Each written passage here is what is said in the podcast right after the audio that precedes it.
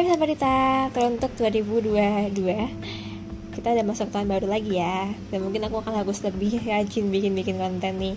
Tapi sebelumnya aku mau flashback dulu di tahun 2021 Sungguh sih ini bener-bener tahun yang luar biasa banget buat aku Mengawali awal tahun 2021 dengan banyak kebimbangan, kegelisahan. Pokoknya luar biasa sih. Pertengahan 2021 penuh dengan kesedihan, kekecewaan dan sebagainya.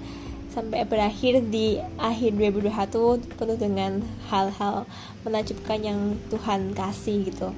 Tapi aku bersyukurnya di tahun 2021 aku dan kamu kita bisa melewati semuanya. Walaupun gak selalu baik, gak selalu mulus, gak selalu bahagia mungkin ada sedih juga. Biar kita ngerti rasanya dunia ya. Kalau bahagia terus mungkin bakal bosen tapi kalau sedih terus juga bakalan sedih juga ya.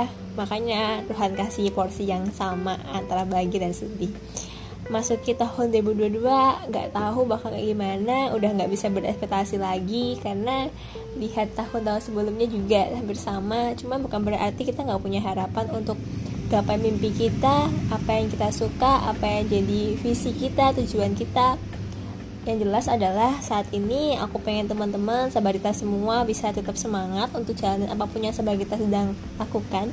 Dan percaya kalau tahun 2022 ini bakal di tahun yang keren banget.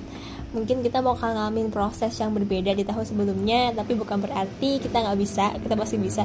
Kalau tahun ini aja bisa masa si tahun depan nggak bisa gitu? Pokoknya selamat menempuh tahun baru sama sabarita. Semoga kita berdua, kita bertiga, kita bersama-sama bisa menggapai setiap impian kita dan kita bisa menjadi orang yang bermanfaat dan lebih baik di tahun-tahun sebelumnya bahkan di setiap harinya. Semangat!